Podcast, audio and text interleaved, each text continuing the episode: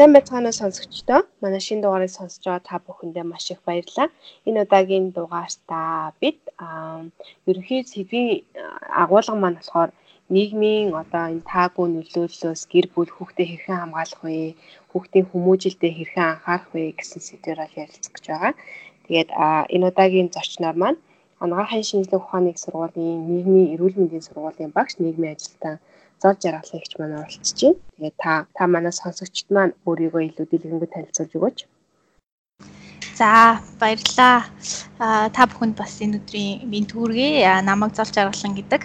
Тэгээд нийгмийн ажилтан мэрэгчлээ. 2007 онд шинжлэх ухааны технологийн сургуулийн хүмүүнлэгийн ухааны сургуулийг нийгмийн ажил мэрэгчлэр төгссөн.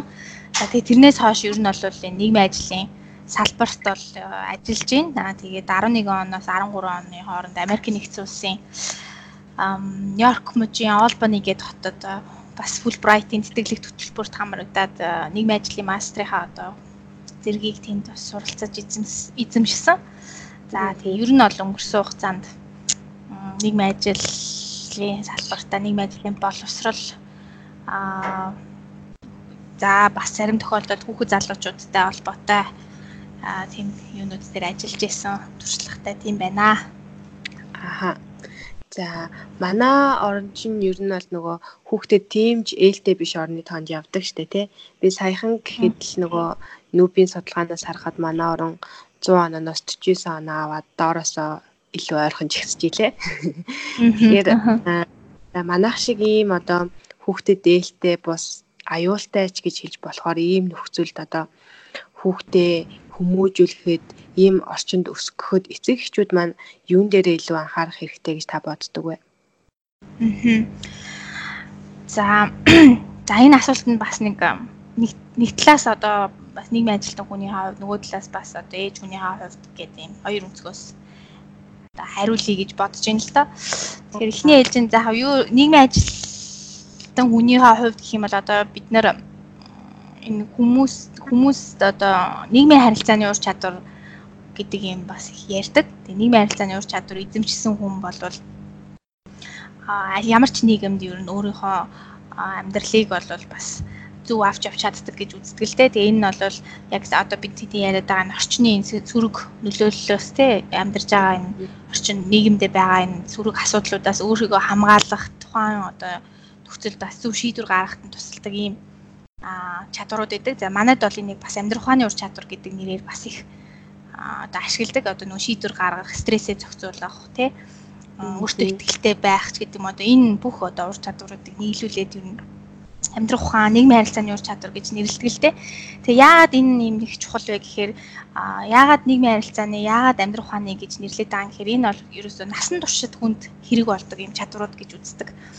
Аа аль ч насанд л одоо энэ ур чадварууд бол зайлшгүй одоо хэрэгтэй гэдэг. Тэгээд хүний амьдралд нэг сурцсан байхад гэх юм одоо нэг эзэмшсэн байхад хизээч тэр хүнээс одоо алга болохгүй. Тэгээд амьдралынхын туршид ямар ч одоо орчинд бол хэрэг болдог юм чадварууд гэж үздэг учраас хүүхэд залуучуудад нийгмийн харилцааны ур чадварыг эзэмшүүлэх эзэмшүүлэхэд одоо боловсролын байгууллагууд жишээ нь ажиллах ёстой гэж бол дээ. Тэгэхээр нэг одоо ер нь бол хүүхдийн хамгааллын асуудал хүүхд залуучуудыг одоо сайхан сайхан байлгыг гэвэл бодлогын түвшнээс ахуулаад маш олон зүйлийг бид нэр ярина. Гэхдээ энэ дотор одоо өөрсдийнхөө хувь хүний зүгээс хийж чадах зүйл юу гэхээр нийгмийн харилцааны ур чадваруудыг л сайн эзэмших эцэг эхчүүд бол хүүхдэд энэ харилцаанаар нийгмийн харилцааны ур чадвар эзэмшүүлэхэд дэмжиж ажиллах нь бол чухал гэж хэлэх гээд байна л да.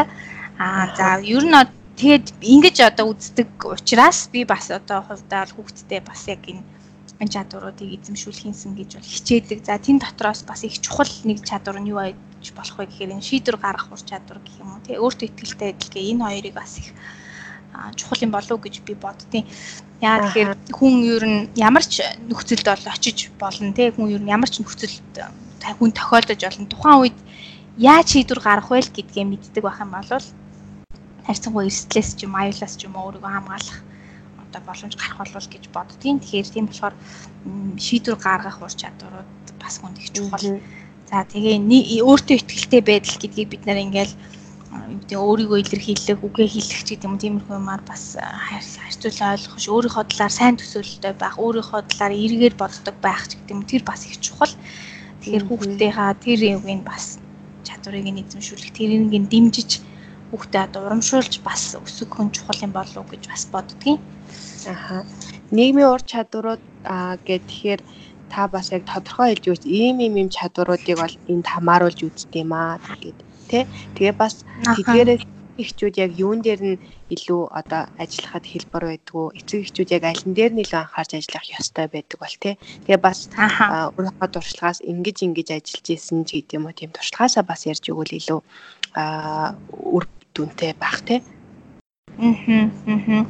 За за нийгмийн харилцааны ур чадвар гэдэгт болвол яг түрүүний хэлснээр стрессийг зохицуулах Аа за тэгээд өөртөө итгэх тэгээд шийдвэр гаргах аа за өөр одоо хүмүүстэй харилцах нөгөө communication гэж хэлдэг юм харилцааны ур чадвар аа ингээд ингээд 10 хэдэн ер нь бол ур чадвар байдаг. За тэрийг бол бас манай энэ нөгөө боловсролын яамны вебсайтн дээр бас татаж авахаар энэ төр ингээд байж идэг байхгүй юу? Ер нь бол ингээд амьдрах ухааны ур чадвар гэдэг нэрээр тэр тэрийг бас эцэг эхчүүд багш нар бол бас ашиглах боломжтой.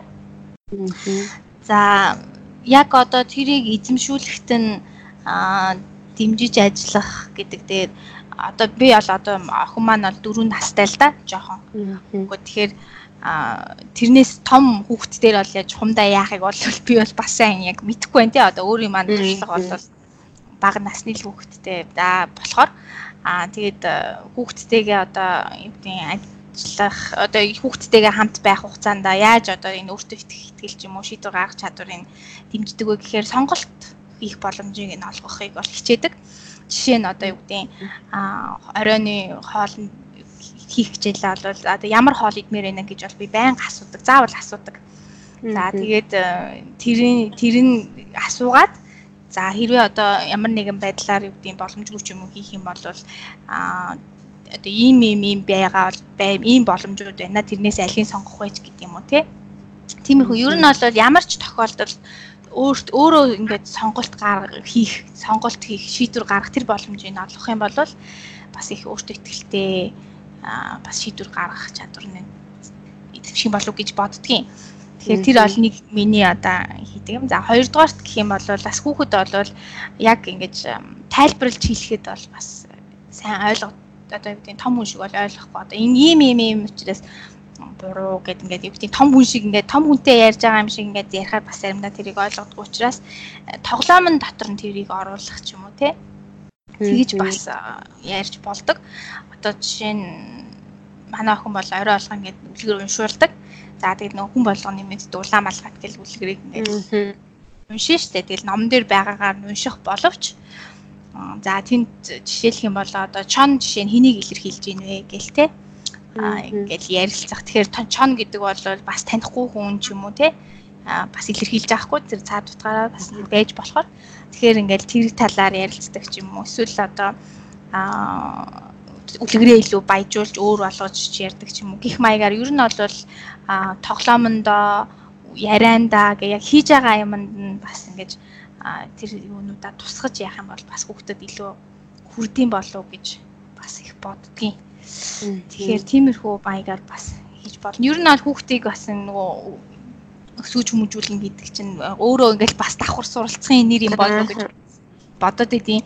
Тий ингээд яах вэ? Одоо энэ чи яаж хэлэх вэ гэж ингээл бодож байгаа бол. Яг л адилхан бас сурч байгаа юм л да. Тэгээд үзэж байгаа хүүхэлдээгээ зүгээр л ингээл үзэх биш хоорондоо бас ярилцах те. Яагаад энэ хүүхдэд ийм байдал үүссэн бэ гэдэг юм уу? Аа тиймэрхүү маягаар.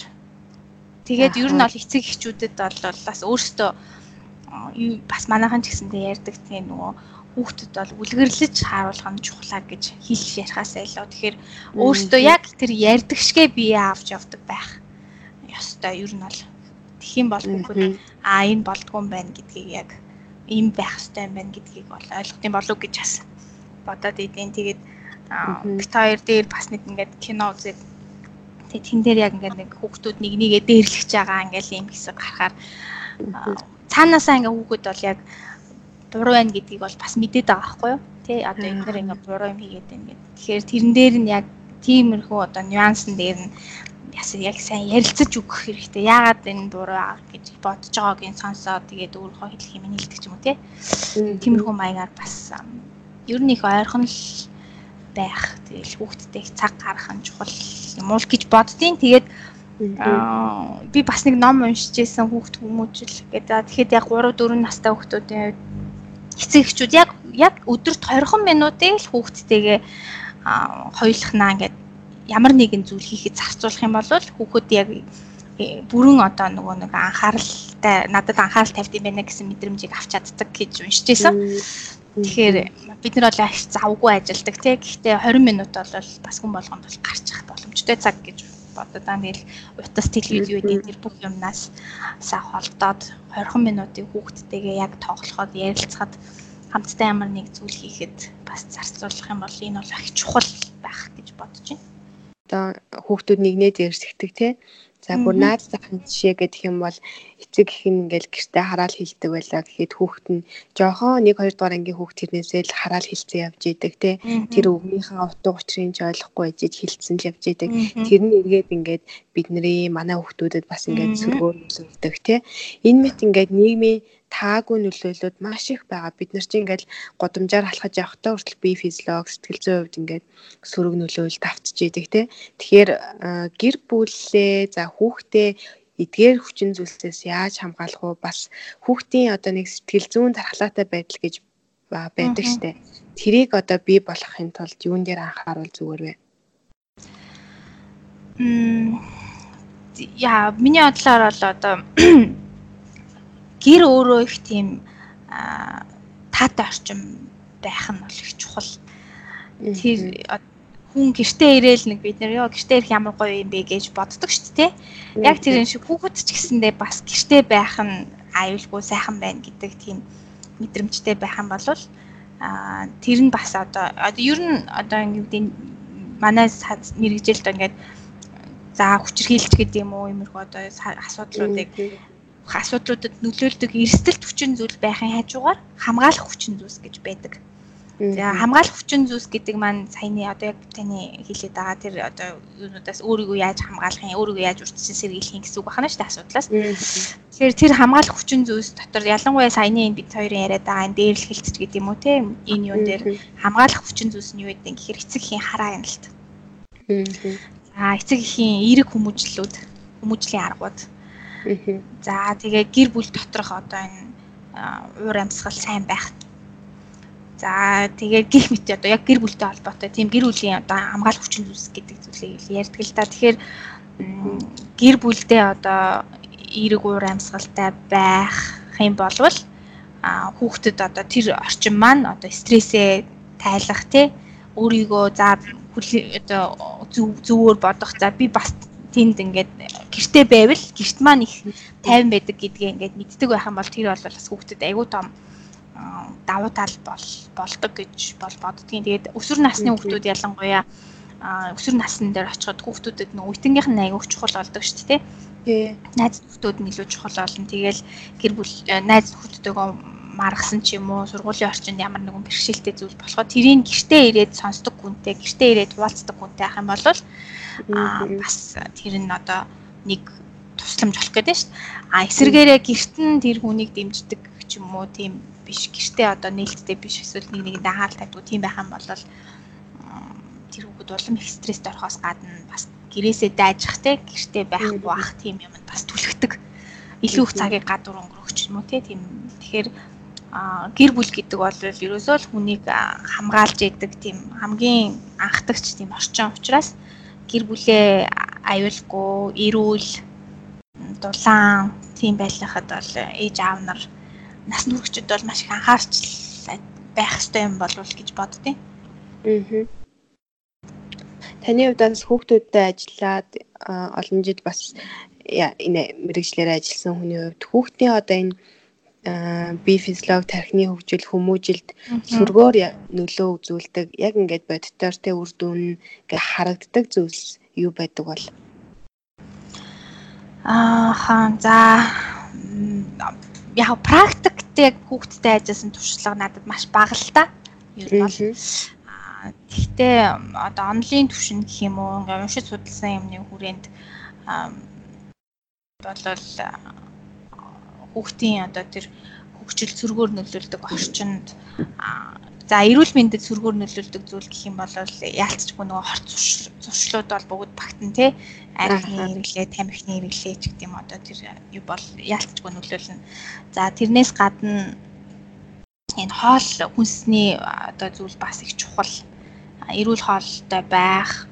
За одоо ингээд манайхан хүүхд айгүй хундаа ч юм уу тийм зүйл авч өгдөг. Тэгтэл ер нь бол энэ ундаа чихэрлэг зүйл бол хүнийг айгүйх тийм хайперактив гэж ярьдаг шүү дээ. Ийм хөөрөө байдал төрөгдөг. Ингээ сэргээчдэг гэх юм уу тарих одоо энэ юг. Тэгэхээр тийм хүүхэд чинь нөгөө тогтод сууж чаддгүй анхаарал нь төвлөрдөг ч юм уу тийм асуудлуудтай байдаг. Тэгэхээр энэ хоол хүнс гэдэг чинь бас яг зүгээр л бид нарт ингээд тий амар ороод байгаа юм биш. Цаанаа тэр чинь ингээд бие махбодын маань тэгээ цааталтаа тарихын маань ингээд тэтгэжээдэг юм учраас эрүүл одоо хоол хүнс хүнсээр хооллох бол маш чухал. Аа за тэгээд нөгөө нэг харилцааны хувьд гэх юм бол бас бит хоёрын түрүүнээс хойш яриад байгаа ер нь бол э, хүмүүжлийн эерэг аргатай байх хэрэгтэй. Одоо ээж аав нар э, ядаж хүүхдийнхаа нүдэн дээр, нүүрэн дээр нэг хүн шиг одоо байх хэрэгтэй. Ер нь бол ээж нь заг нь хар аав нь өмөрөө, аав нь заг нь хар ээж нь өмөрөө тах юм бол хүүхдэд талын аяг сүргүүр нөлөөлдөг гэж үздэг. Тэгэхээр яг хоорондоо ингээд би бол жишээ нь бас ер нь бол тийх гэж хичээдэг. Мэдээж ингээ үргэлж ингээл санаа нийлэхгүй штэ. Одоо аав нь заг загиндаг ч юм зандрахаар өмөрчмөр ингээл санагдана тий. Тэгтээ тэрийг бол ингээд тухайн үед нь аль болох төвчих хэрэгтэй ер нь бол. Аа тэгээд дараа нь хүүхдээсээ өөр газар тусдаа орчинд за эн чин одоо зүв байла, эн чин буруу байла гэд хоорондоо манай нөхөр ч гэсэн надад тэгж хэлдэг. Яг тэр үедээ хэлэхгүй ч гэсэн дараа нь за чи арайч бас хэрүүн хэлчүүдээ гэд те тэгдэг ч юм ингээд ер нь бол нэгнэнтэйгээ ингээд сайн саналаа солилцох зүг. Гэхдээ тэрийг одоо хүүхдийнхаа нүдэн дээр одоо хоёр өөр байр суурьтай байгаа юм шиг бол бас харагдуулахгүй байсан дээр. Яа тэгэхээр тэр нь хүүхдийг өөр алийн альных нь нүгэнд орох гэдгийг шийтгэхэд хэцүү байдалд оруулчихж байгаа байхгүй. Тэгэхээр тиймэрхүү ингээд зүйлийг бол анхаарахтай. За тэгээ одоо манай дээр бас байдаг сүүлийн үед ч гэсэндээ ер нь аюух яригдаад байгаа энэ бие махбодын шийтгэл тий тэр тэр шийтгэлээс бол ер нь бол юу зайлсхийх хэрэгтэй. Яагаад тэгэхээр хүүхэд нөгөө зодуулах гэдэг юм одоо тэр юунд яхад айхаас өөр нэг ер нь бол сургамж бол баг авахгүй байгаа шүү дээ. Тэгэхээр юмнаас их айж цочрно гэдэг бол сэтгэл зүйн хувьд маш их тийм цочрол дарамтанд орж байгаа хэрэг. Тэгэхээр тэр бол ер нь бол их аюултай. Тэгэхээр тэр чин дараагийн удаа өө тэгж болохгүй мэн гэж ойлгохоосоо илүү тэр өвдөхөөс өвдөхгүй байхын тулд л өөр юм хийх болж байгаа байхгүй. Тэгэхээр ухамсарлахгүй байгаа гэсэн үг. Тэгэхээр тиймэрхүү бие махбодын шийтгэлийг бас ер нь ер нь тэр бол болохгүй гэдгийг ойлгох хэрэгтэй. Тэгээд тэр бол аль болох тийм юугаа болох хэрэгтэй. Манайд бас их тийм түгээмэл байдаг л да. Тэр бол тийм манай Монголын зүйл. За тэр бол их чухлаа. Тэгээд одоо би бас тэр ардын энэ үгээ үний бол болов гэж бас боддөө шүү дээ. Манайх ч одоо 3 5 хүртэл нь ер нь бол ингээд дураар нь байлаа тий өөрийнхөө орон сонс. За тэрний дараа бол одоо ингээд боол мэт дагуул гэж байна. Тэг дагаж одоо өөрийгөө сургах хэрэгтэй гэж. За тэгээд одоо 12 13 наснаас нэгсүүлээд нөхөр мэт шадрал гэж одоо энэ найз хүчиг ойрхон байл гэсэн санаа тэрний цаана ярилцтэй. зөвлөлт. Тэгэхээр хүүхд чи одоо ингээд өөрийн л асуугаад тэгэл бас нэг тийхгүй. Өөрөөс нь бас саналын сонс одоо миний энэ болж гинөө тэгж гинөө баг гэлтгүй л ер нь хүүхдтэйгээ тэгэж ярмаар ч юм шиг те би бол охинтойгоос ингэж ярихыг хүсдэг энэ ингээд одоо хувцас хүртэлтэй ингээ өмссөн байвал ямар харагдчихээн ч гэдэг юм уу? Ээж нь ингэчүүл яаж юм гэл ингээд. Тэгэл тохируулаад яриад ахаар хүүхэд буцаагаал а би ингэж бас ярих ярих юм байна гэдэг ч юм тийм сурчих юм бол гэж боддөө шүү дээ. Тэгэхээр тиймэрхүү маягаар тэгэл бид хэд ч одоо одоо эргээ ботход хүүхэд насанд ч гэсэндээ ингээл нийгэм цаг үе өөр байла маш их ороо бусгаа тий шилжилтийн цаг үе байсан бол ээж автайгаа ярилцах цаг бид нарт бол бас төдийлэн их байгаагүй ч юм уу тийм зүйл. Гэтэл одоо ингээ нийгэм өөрчлөгдөхөөр хүмүүс өөрчлөгдөд, хүүхдийн хүмүүжил, хөгжил өөрчлөгдөд байгаа. Тэгэхээр бид нэр одоо өөрсдийнхөө өссөн шигээр хүүхдээ бас өсгөж болохгүй болсон. Тэгэхээр хүүхд маань юу хүсэж байна гэдгийг харах, хүүхдүүдэд ямар өөрчлөлт гэнэ гэдгийг харж тэрэнд нь тохирч одоо хүүхдтэйгээ харьцах хэрэгтэй болох гэж даган болвол гэж бодоод байгаа. Аа.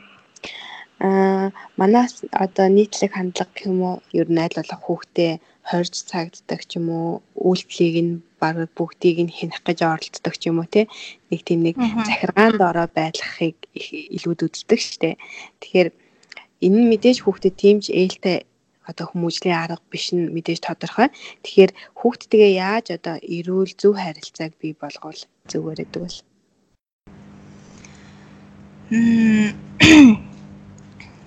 Чи одоо яг бүр буруу юм хийж байгаа бол мэдээж тэр нь буруу гэдгийг одоо хэлээд болиулах нь бол чухал. Аа гэхдээ ер нь бол бас тийм айхтар одоо хатуу шийтгэлч гэдэг юм уу те тэр юм бол болохгүй л те. Тэр нь одоо зөвхөн бид нар ч хилээд байгаа юм биш одоо олон улсад судалгаа шинжилгээгээр хүртэл тэр нь нотлогдчихсан. Тиймдвэл яагаад гэхээр тэр түрүүний бид нар хэлээд байгаа тэр гэдэг хатуу ширүүн хүмүүжлийн арга барил хүчирхийл бүхэн орчинд амьдарч байгаа хүмүүс за ийм юм чинь байж болдсон байх гэдэг л зүйлийг ойлгочихж байгаа байхгүй юу. Тэгээ өөртөө цаашаа гарахаараа зөрчлийг хүчирхийллийн аргаар шийддэг болчиход байгаа гэсэн үг. Тийм болохоор тэрийгэ болооч гэд хэлээ да. За тэгээд ер нь одоо зарим нэг тохиолдолд бол хүүхэд өөрөө хийжээж тэрийгэ буруу юм байна гэдгээ ойлгоно штэ тий. Бүх юмыг бид нэр ингээд хилээд ахаар тэр чинь болохгүй. Тэгэхээр зарим нэг одоо юу гэдэг зүйлийг бол өөрөөр нь өөрөө тэрийг ингээд хийгээд за буруу ээжээ гэдгийг ойлгох бас боломжийг бас өгсдөг чинь болов гэж бас бодтыг. Аа а яг тэр эрүүл харилцааны хувьд гэх юм бол хүүхэд насанд хүрэгч хоёр ч ингээд яг хоёулаа л яалтчгүй л одоо том нь арай илүү их мэдлэлтэй юм шиг л болчихж байгаа юм л да. Тэгээ би илүү их мэддэг, би илүү одоо туршлагатай ч гэдэг юм уу тэр утгаараа. Гэхдээ нөгөө хүүхдтэй бас одоо өөрийгөө илэрхийлэх, өөрийнхоороо сонголт хийх тэр боломжийг л байнга олгож явах. Тэр тэр чинь бас өөрийн гэсэн үзэл бодолтой нэг ертөнцийн байгаа гэдгийг л хүлээн зөвшөөрөх хэрэгтэй юм шиг байгаа. Тэгэх юм бол тэр бол бас яг арай боттой тий болж чадах байх л гэж За тэгээ энэ нөгөө нэг baby center гэл ингээ нэг юу байдаг шүү дээ. Английн нэг тийм. Тэднийх дээр бас ингээд хөөрхөн хөөрхөн артиклууд бас ингээд яваад идэг. Яг хүүхдээ яаж хүмүүжүүлэх вэ? Хэцүү одоо юм нөхцөлд яаж яах вэ гэх тиймэрхүү аргуудын тухай ингээд бичсэн юмнууд бас харагдаад идэг л да. Тэгэхээр тиймэрхүү маягаар бас өөрсдийнхөө юг аа өөр бас ямар тийм туршлага байна те тэр юмнуудыг бас харуул зөөрчж магадгүй. Те тэн дээр яг түрүүний миний яриадсан өөрөө ингээд хийгээд а энэ буруу ээжээ гэдгийг тэгж ойлгох тийм нэг ойлгуулах бас нэг тийм арга бас байт юм билээ. Ер нь бол гэтээ тэр нь бол нэг хит аюултай юм дээр бол мэдээж болохгүй л ах л та. Зүгээр ойр зурмхан юм дээр бол. Тэг заримдаа бол одоо юу гэдэг ус мусаар тоглолоо гэл ингээл те. Бид нар аюул бити усаар тоглоо дээ бити гурилаар тоглоо дээ гэл ингээл те. Тэгэхээр тэгээд бити бити гэсний оронд бараг тэгээ тоглуулаад дараа нь тэрийг өөрөөр нь цэвэрлүүлээд тий эсвэл одоо тэгээд даарад ч юм уу тэгээд оо за би даард юм байна гэдгийг мэдрэх ч юм уу тиймэрхүү маягаар л бас тэгэж нөгөө naturally тий тэгэж тэрнээс сурах бас боломжийг юу н олгох хэрэгтэй юм шиг. Тэгэхгүй ингээ бүх юмнаас бид нэр хамгаалж чадахгүй шүү дээ. Тэр боломжгүй. Тэгэхээр тэрийг л одоо баланслуулах хэрэгтэй юм шүү. Одоо ээж аав нар чинь боль бити гэдэг байгаа нь аюулаас ч юм уу нэг юмнаас хамгаалах гээл тэгээд байгаа.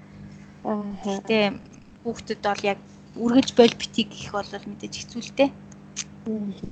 Тэгэхээр зарим нэг юмыг бол бүр зүгээр л зөвшөөрөх ч ёстой юм шиг тий одоо юм нь олох тийм хор өөрөөр боломжийг нь олгох нь шүү дээ тий. Тий. Би бол одоо тэгэл нэг айхтар одоо юу гэдэг янз бүрийн тоглоомнуудаар зэрэгцээл ингээл нураагаал тоглоолын тоглоолын тоглоолын тэгэл айгүйх ингээл нурдаг ш гэр чи ер нь тоглоом моглоом бисүн бусын юмар л нурна. Тэгэл яхав тэгэл дараа нь тэрийгэ хамгийн гол цэвэрлэх хэрэгтэй. Өөр өөр нь бас ихэнх хэсгийн ч юм уу гэд цэвэрлүүлэхээр тэгээд за ийм их юм сэвэрлэхгүй тул дараагийн удаа бас арай гайгүй тоглоё гэж бас бодсон шүү дээ. Ер нь л. Аа. Тэгэхээр нэг тиймэрхүү үр дагаврын өөрөө ингэж ойлгох тиймэрхүү бас юм хийхсэн зүгээр ах л гэж бодож байна. Аа.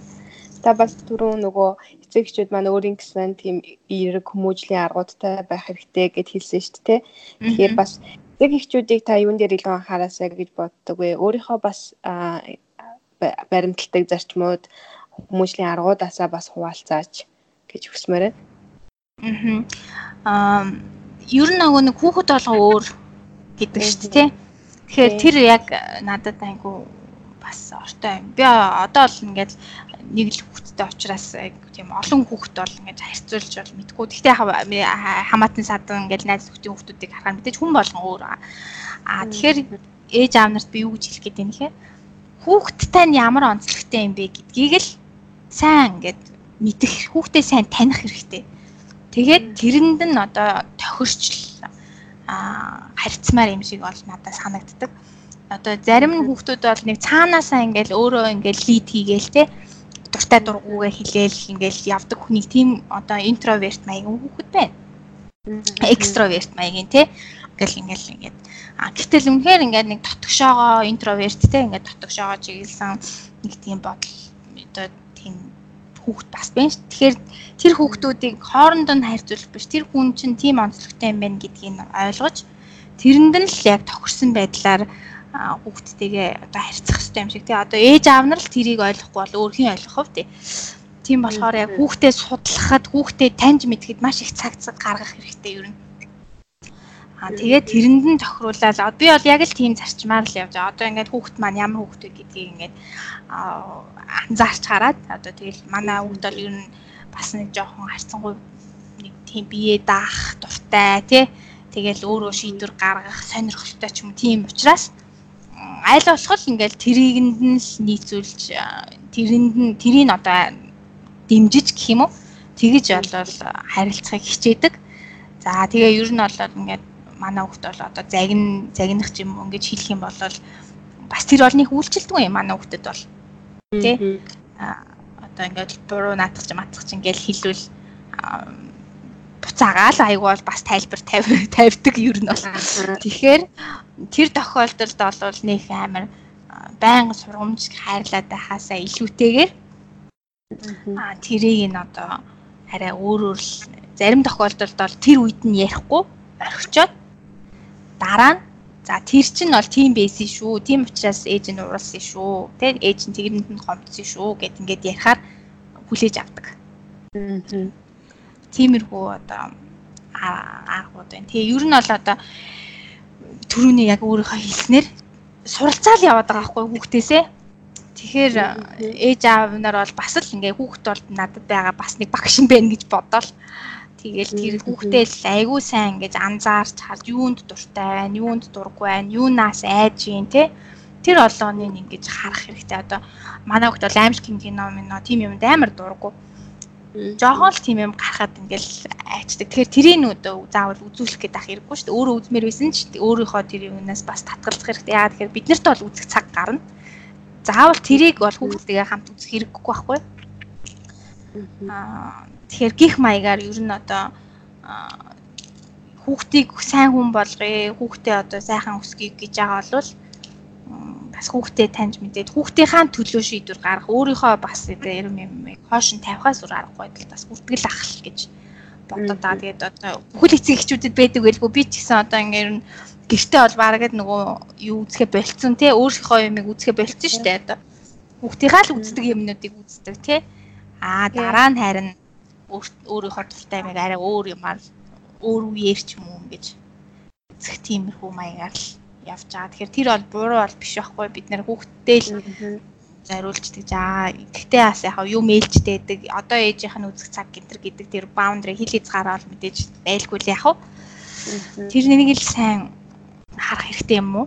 Тийм. Хүүхдээ таньж гэж цаг гаргаасай л гэж хүсэж байна.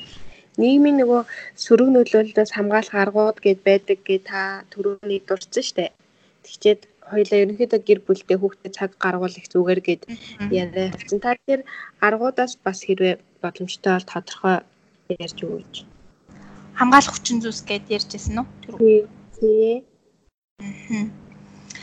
За яг арга арга гэх юм уу хандлага гэх юм уу тий тэд нэр ч одоо тэгээд яа энэ нөгөө нэг ээж аавууд ээж аавууд эцэгчүүд ч юм уу зориулсан байж магадгүй гэл гэр бүлээл яриад байгаа. Гэхдээ ер нь тэрнээс гадна гэх юм бол одоо сургуулийн багш нар тий бас анхаарах зүйлүүд бас байна аа. Тэр сургуулийн орчинд бас хүүхдийг яаж хүмүүжүүлэх вэ гэдэг тухайн асуудал. Сургууль олохлоор яагаад их чухал юм гэхээр хүүхэд болгон ер нь гэртээ бас бидний энэ яриад байгаа шиг тийм эерэг ч юм уу тийм бас биш байгаа штэ. Аа тэгтээ хүүхэд болгон цэцэрлэгт юм уу сургуульд явдаг. Аа тэгэхээр сургууль олвол эцэг эхчүүдэд болон хүүхдүүдэд тэр түрүүний бидний анх ялаарсан нийгмийн харилцааны ур чадварыг эзэмшүүлэх хамгийн боломжтой орчин гэж үздэг. Тийм учраас сургууль дээр багш нар за сургуулийн одоо тэр бодлогыг тодорхойлоод хэрэгжүүлээд яваад тэр сургуулийн менежер захирал гэдэг одоо хичээл эрхлэгчнэр цэцэрлэг эрхлэгч юу ч гэдэг тий арга зүйч гэх тэр хүмүүс маань өөрсдөө бас тэр одоо нийгмийн харилцааны ур чадваруудыг хүүхдүүдэд эзэмшүүлэх, хүүхдийг хүүхдэд одоо тэр нэгнийхээ ялгаатай байдлаа хүлээн зөвшөөрдөг, ойлгодог болоход нь туслах тэр зүйлсийг бас сургууль дээр аягүй сайн хийх хэрэгтэй гэж бас үздэг. За энэ бол бас их чухал. За тэгээд бүр юм одоо юу гэдэг нийгмийн түвшинд ингээд ярих юм бол мэдээж янз бүрийн тэр хууль эрх зүйн орчин юм уу эсвэл одоо хөтөлбөрүүдийг хэрэгжүүлэх замаар нийт одоо эцэг эхчүүд нийт багш сургууль хүмүүжүүлэгч одоо хүмүүс бас энэ төрлийн ойлголт мэдлэгийг өгдөг тийм ажил бас айгүй чухал байгаад байгаа. Одоо манайд бол ингээд хууль байгаа юу гэвэл байгаа. А гэхдээ тэр одоо тэр хуулийг хэрэгжүүлэх төвшний хүмүүс арга зүй байна уу гэдээ асуувал харин байхгүй ч магадгүй болчиход байгаа байхгүй. Тэгэхээр яг тэр арга зүйг эзэмшихт нь ойлголтоо нэмэгдүүлэхт нь нэгнээсээ суралцахт нь туслах тийм одоо тогтолцоонууд бол ажиллаж байж ер нь бол юу гэж хэлэх гээд байна гэхээр одоо энэ ямар ч асуудал байсан гэсэн бид нэг ингээл нэг юм анхдагч хоёрдогч гуравдагч төвшний л юм нэг урчин сэргийлэлт гэж гэдэг тийм одоо тийм юм ярьж байгаа. Нэгдүгээрх нь юу юм гэхээр анхдагч гэдэг дотор юу яриад байгаа гэхээр хүн болгон л тэр асуудлын талаар мэддэг байх хэрэгтэй. Тэр асуудал нь яагаад асуудал болоод байгаа ямар хор өнөртэй. Тэр нь ямар ч асуудал гэж болно. Найрагч байж болно, тамхич байж болно, гэр бүлийн үчирхийлж байж болно. Хүүхдийн хүмүүжлийн асуудал гэж болно. Яагаад энэ чухал юм гэдгийг айгүй олон нийтээрээ мэддэг. Тэр талаарх зөв ойлголт мэдлэгтэй болох хэрэгтэй. А хоёрдугаар гэх юм бол хүн болгон тэр ойлголт мэдлэгийг эзэмшиж авч чадахгүй хичнээн тэгэж мэдээлэл өгөөдсөн ч гэсэндээ зарим нэг бүлэг хүмүүс бол тэрийг одоо олж авч чаддгүй гэж үздэг. Тэгэхээр тэр тохиолдолд тэр эрсдэлтэй бүлгийн хүмүүстэй ажилдаг нь болохоор хоёр дахь түвшний одоо ажил болчихж байгаа байхгүй.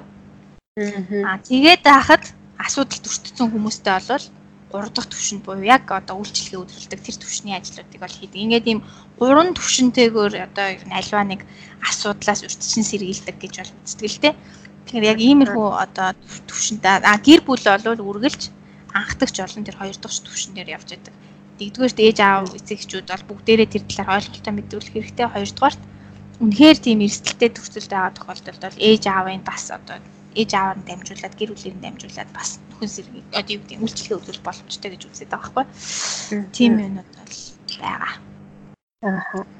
За би танаас хүүхэд хүмүүжлээс гадна бас нэг хувийн ээжүүдэд маань сонирхтой байж магадгүй гэдэг нэг асуулт асуумаар байна л да.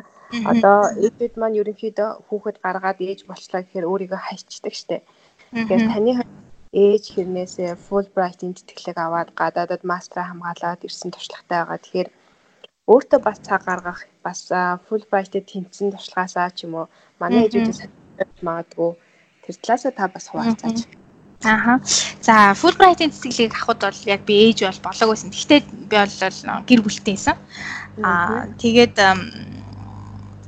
ер нь бол тэтгэлийн тухайд гэвэл Fulbright-ийн тэтгэл тухайн үед бол бас их анхны л одоо Монголын засгийн газартаа нийлээд ингээд явсан анхны олон хүн явсан тэтгэлэг гэх юм уу тэр ээлж нь яг тэр 11 онд болж таарсан. Тэгээд ер нь бол хэл сурах хэрэгтэй гэж бид нэр бүгдээр ярьдаг. Үнэхээр бол англи хэл ялангуяа дэлхийн хэлийг болж байгаа тохиолдолд тэрийг бас хүмүүс их тэрэнд өөрийгөө зориулсаа л гэж би бол боддог. Ер нь заавал тэтгэлэг авах гэдэг байгаа биш те. Ер нь бол хэлтэй л байх хэрэгтэй одоо энэ орчин цагт. Тэгэхээр ер нь хэл сурахад бол бас их цаг гаргаад өөрийгөө дайчлаад одоо ер нь янз бүрийн боломжууд байдаг болсон байна байна дөө одоо хэдэн жилийн өмнөх тайлбарлахад хэлний тал дээр гэвэл одоо энэ BBC-ийн радиог бол би бас их сонсох туртай. Аа тэгээ тэн дээр бол ер нь ингээл маш олон янзын сэдв цаг цаг цагаар ингээд мэдээ явахаас гадна соёлын, урлагийн, эдийн засгийн, бизнесийн ингээд маш олон хөтөлбөрүүд явдаг сонирхолтой. Тэгээ тэрийг ингээд сонсоод байх юм бол бид нар мэдлэгч олж аавн сонсох чадвараач давхар сайжруулцдаг. Тэгэхээр иймэрхүү маягаар а бас ер нь бол яг хэрэгтэй. За тэгээд энэ Fulbright-ийн тэтгэлэг э, одоо тэнцэн ч гэдэг юм те. Тэр маань бол маш их азтай тохиол байсан л та. Тэгээд тэрний тухайд гэвэл би бас хүний ингээд нөгөө алсын хараа их тодорхой байх юм бол бас тэтгэлэг өгж байгаа газрууд маань бас сонгох юм болов гэж би бол ботсон. Ягаад тэгэхээр яг тэр үед бол би үнэхээр яг бүр ингээд миний явах гээд байгаа тэр зорилго маань маш тодорхой байсан ер нь. Тэгээ тэрийг эсэн дээрээ ингээд нөгөө бичээд бичин шүү дээ чинь тий бас ингээд 2 3 жисэг бичээд тэр олгон дээр ингээ яагаад би тийшээ явах хэрэгтэй байгаа юм бэ гэдэг нь тодорхой. Тэгээ тэр нь яагаад одоо энэ манай улсад хэрэгтэй юм биш гэдэг юм. Тэр нь тэгээ би бол яг илүү ахмад насны энэ юутай холбоотой ахмад насны чигээс өдрийн үйлчлэгийн талаар одоо судлыг гэсэн айгүй бүр тийм хүсэлтэй байсан байхгүй. Тэгэхэд тэгэл яг тэрийгэл би айгүй бичсэн. Тэгээ тэр маань бас их юу аасан бах гэж бодд юм а. Тэгэхээр энэ нөгөө motivation letter гэл ингээл те нөгөө эсэ бичдэг. Тэр юмн дээр тэрийгээ айгүй сайн гаргаж өгөх хэрэгтэй юм шиг санагдсан. Хилнээс гадна бас харж байгаа юм. Ягаад тэр хүнийг бид нэр явуулах хэрэгтэй вэ? Тэр хүн эргээд их орондоо ирэхдээ ямар хувь нэмэр оруулж чадах вэ гэдгийг харах гэдэг байгаа шүү дээ. Ер нь бол. Тэгэхээр тэр тэрийг нь бас сайн тэтгэлэг горилж байгаа хүмүүс бол бас тэрэндээ бас их анхаарах хэрэгтэй юм шиг байгаа. Ер нь миний ер нь явах гээд байгаа зорилго чиглэл юу вэ гэдгээ сайн тодорхойлох хэрэгтэй ч юм уу. Аа тэгээд ээж босны дараа бол үнэхээр яг өөрөө чинь хэлж байгаагаар хүмүүс бол хүүхдтэй бол мэдээж ихний нэг жил ч юм уу цаг зарцуулах хэрэг зөндөө гардаг тий. Би тэгтээ бас хүүхдээ 7 сартай хахад нь ажилд орсон л доо ер нь их баг багт нь ажилд орсон.